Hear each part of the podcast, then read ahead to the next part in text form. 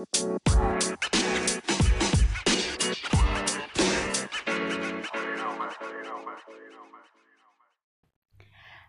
aku Ulia.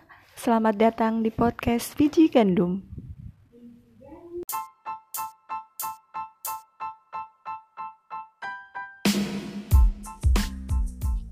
Halo, balik lagi di podcast Biji Gandum dan kali ini aku pengen ngebahas tentang um, pengalaman aja sih sebenarnya ya.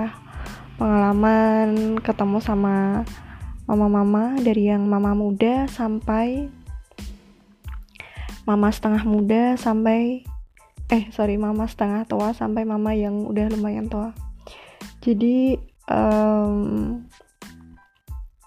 aku kan buka mengelola les gitu kan les baca jadi uh, objek aku tuh anak-anak TK gitu. Nah kalau anak-anak TK gitu kan kemungkinan orang tuanya dari yang umur dari 19 sampai mungkin yang memang udah sekitar 40-an bisa aja sih 40-an karena memang waktu itu ada ada gitu kan ada yang daftar. Aku kira tuh ibunya kan dianterin. Emang emang udah seumuran aku sih kayaknya. Nah aku bilang ibu-ibu gitu kan. Nah pas ternyata pas anaknya udah les kalau les anaknya itu kan ditinggal. Jadi kadang aku kepo gitu sama anak-anaknya. Ternyata itu bukan ibunya tapi kakaknya. Dan ibunya itu udah ya udah lumayan lah udah lumayan tua gitu. Jadi uh, jarak antara si adik sama si kakak itu ya lumayan jauh banget ya mungkin sekitar 20 tahunan gitulah ya. Dan it was happen. Dan so far fan fan aja. Nggak ada sesuatu yang berarti. Ada juga yang sudah berumur dan bukan anak pertama jadi asumsiku beliau sudah punya pengalaman mendidik anak sebelumnya.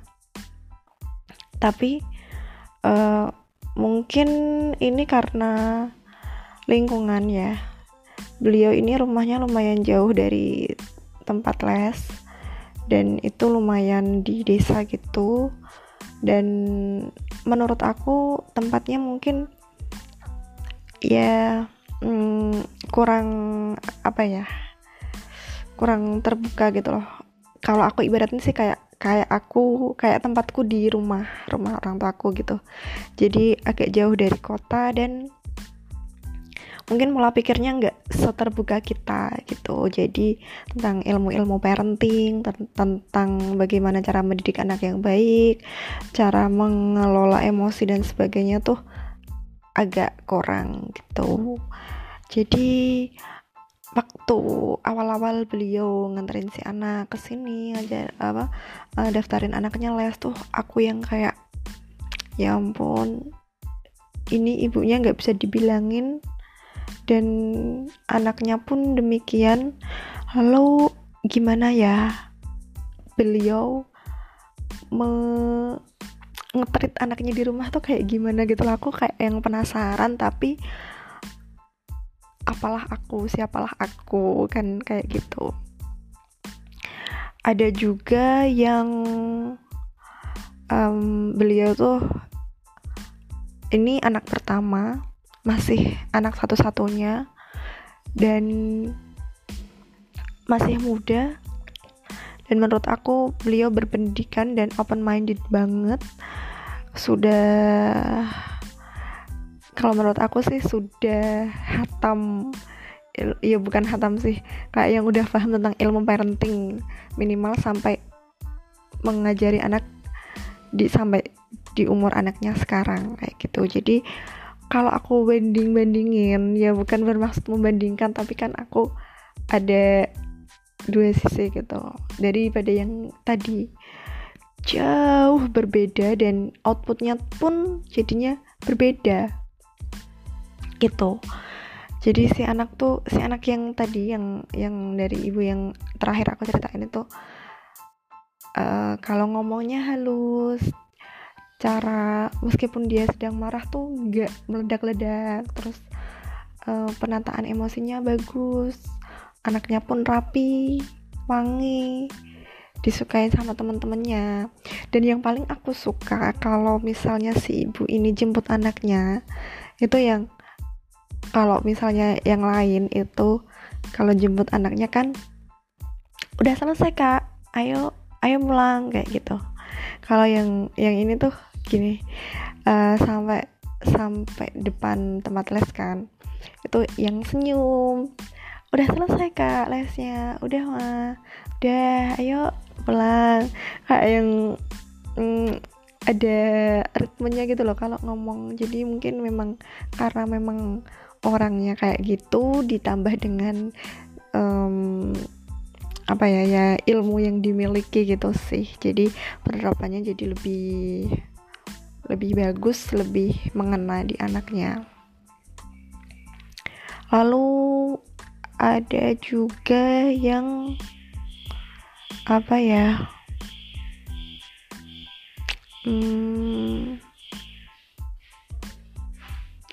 ada juga yang aku kok jadi lupa sih. Oh ya ada juga yang beliau ini wanita karir. Si ibunya wanita karir dan sepertinya single parent. Wanita karir dengan tiga anak cowok. Yang les di tempatku tuh yang tengah. Jadi yang anak kedua masih kelas 2 SM kelas 2 SD dan dibandingin sama temen-temennya yang lain aku agak prihatin sih sama anak ini karena uh, mungkin karena apa ya dia ini kayak yang kurang perhatian gitu loh. Jadi di tempat les tuh ada-ada aja yang dilakuin. Terlepas dari memang anaknya banyak ide terus aktif dan uh, suka dengan hal-hal yang suka yang kayak dia itu jadi tempat perhatian gitu. Tapi kan nggak um, seharusnya kayak gitu terulang secara terus menerus dan mengganggu temennya yang lain. Kayak gitu. Kadang sampai pernah tuh ya aku aku diemin aja anak itu sampai ya udah di tempat les. Aku suruh gini nggak mau dia malah ngapain gitu melakukan hal-hal yang yang pokoknya ya ampun nggak banget. Dan akhirnya karena aku udah capek bilangin terus aku ya udah kamu kalau nggak mau belajar diem aja. Nunggu dijemput nggak usah ganggu teman-temannya yang lain kayak gitu.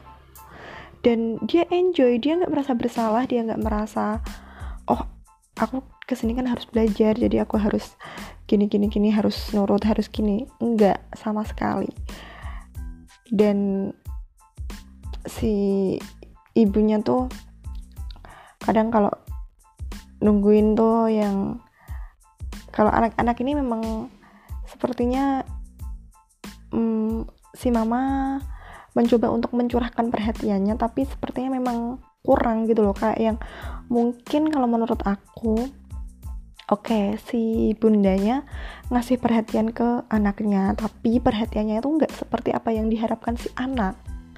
Jadi kayak selalu ada yang kurang gitu loh kayaknya. Kalau aku analisa aku kayak gitu. Lalu hmm, it's okay. Uh, cukup segini dulu cerita aku tentang beberapa anak les. Dan ini berkaitan dengan ilmu parenting yang sebenarnya kalau buat aku ini adalah hal yang cukup baru. Karena aku uh, apa ya kayak yang menyadari tentang hal-hal kayak gini tuh baru sekitar dua atau tiga tahun belakangan ini. Karena dua atau tiga tahun belakangan ini aku mulai ketemu sama sama orang-orang yang bilang aja lah kayaknya sebut aja lah ibu-ibu kayak gitu. Jadi aku ketemu sama ibu-ibu serta anak-anaknya dari yang mulai umur masih muda sampai yang udah mateng banget dari yang punya anak kecil masih merangkak masih meraba-raba tentang ilmu parenting sampai yang udah berhasil menerapkannya di uh, keluarganya. Dan menurut aku uh, ilmu parenting tuh yang apa ya penting banget gitu loh.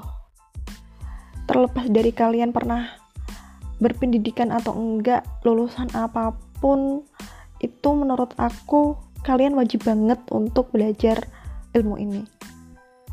Ya meskipun ranahnya beda-beda dan memang gak ada habisnya karena memang yang namanya orang itu beda-beda dan dengan latar belakangnya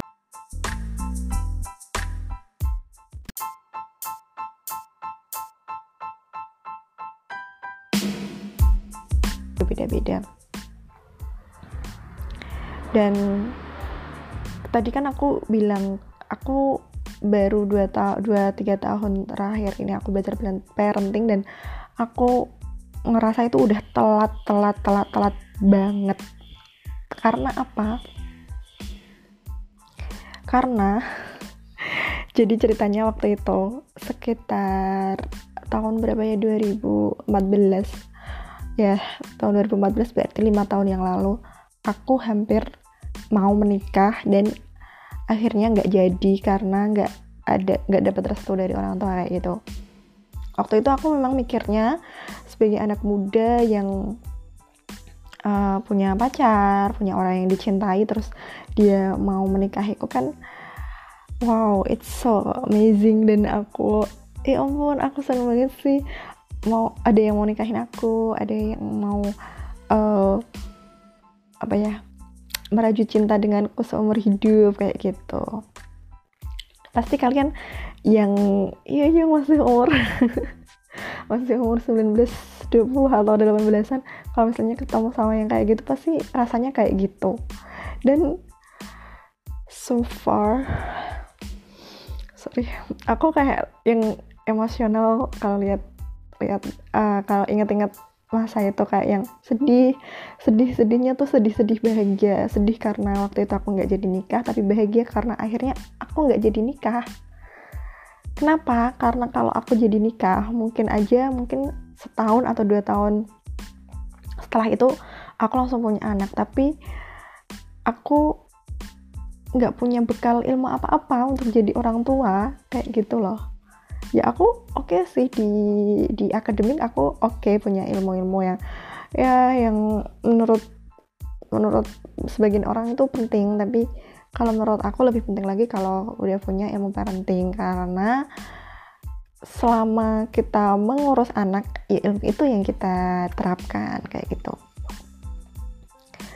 Dan tadi aku bilang kenapa telat banget? Karena ya memang itu harusnya tuh kita kita para perempuan khususnya uh, belajar ilmu ilmu parenting tuh sejak kita merasa bisa mengayomi anak-anak.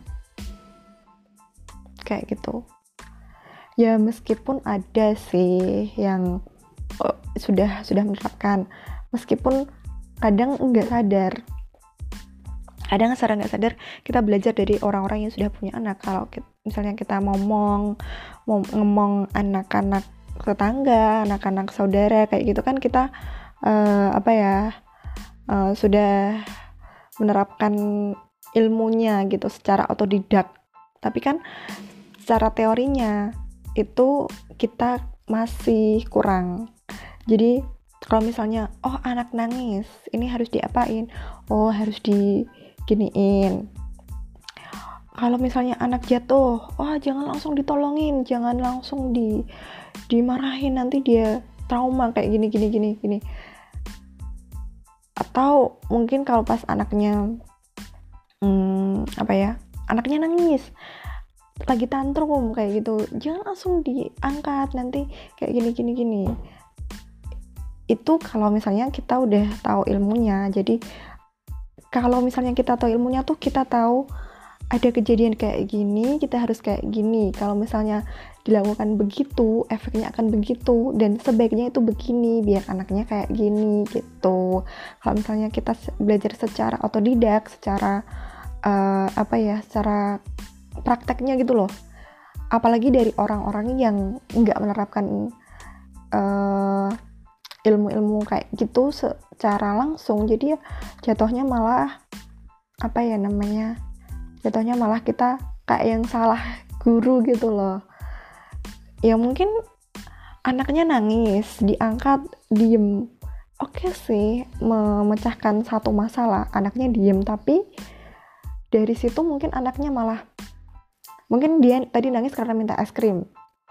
Lalu setelah diberikan es krim diem. Oke itu sebagai satu, salah satu problem solving dari anak nangis. Tapi untuk selanjutnya anak itu akan semakin sering nangis ketika meminta sesuatu yang lain. Oke itu cuma es krim tapi nanti kalau dia udah semakin besar semakin besar jadi minta apa lagi minta apa lagi. Dan senjatanya adalah dengan menangis karena anak itu ingat oh ya kemarin aku nangis. Aku lalu dikasih sekarang aku akan nangis lagi biar dikasih. Jadi kayak gitu. Salah satu contohnya. Dan ilmu seperti itu seharusnya memang dipelajari dari umur ya mungkin kalau misalnya di kampung-kampung kalau misalnya rata-rata menikahnya di umur 18 19 jadi uh, bisa lah satu tahun atau dua tahun sebelumnya kayak gitu. Jadi ketika dia sudah punya anak tuh yang tinggal praktek gitu loh tinggal praktek tanpa harus meraba-raba tanpa harus tanya-tanya ke mana-mana harus bingung gitu. Apalagi sekarang kan zamannya zaman yang sudah terbuka. Kita tuh hidup di era yang sangat sangat sangat alhamdulillah banget lah. Sebagai anak muda yang bisa mengakses apa pun dengan mudah dari genggaman tangan. Maka dari itu ayolah kita manfaatkan apa yang ada di ya ampun aku. Apa yang ada di genggaman kita dengan baik gitu terus apalagi ya nah kalau misalnya kita punya ilmu-ilmu kayak gitu tuh kayak kita mau marahin anak kita mau ngebentak anak itu jadi kayak yang mikir berkali-kali gitu loh nggak nggak yang anak dibentak-bentak di tempat umum, dimarahi di tempat umum, diancam, diapain kayak gitu ya.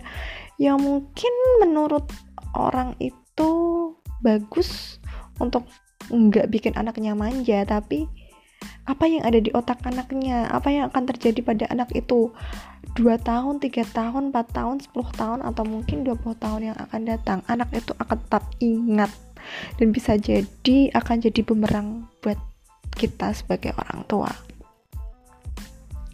Mungkin itu curhatan aku tentang anak-anak dan parenting. Ada ada curhatan dikit tadi tentang masa lalu aku juga. Di sini aku bukan bermaksud untuk menggurui tapi aku bicara tentang apa ya? Hmm, bicara tentang apa ya pengalaman aku lah ya. Mungkin kalau misalnya ini bermanfaat silahkan di kalau ini bermanfaat silahkan diamalkan. Kalau tidak bermanfaat harap ditinggalkan dan aku mohon saran kritiknya dari kalian semua biar podcast aku makin makin banyak lagi, makin banyak yang dengerin juga. Terima kasih. Bye bye.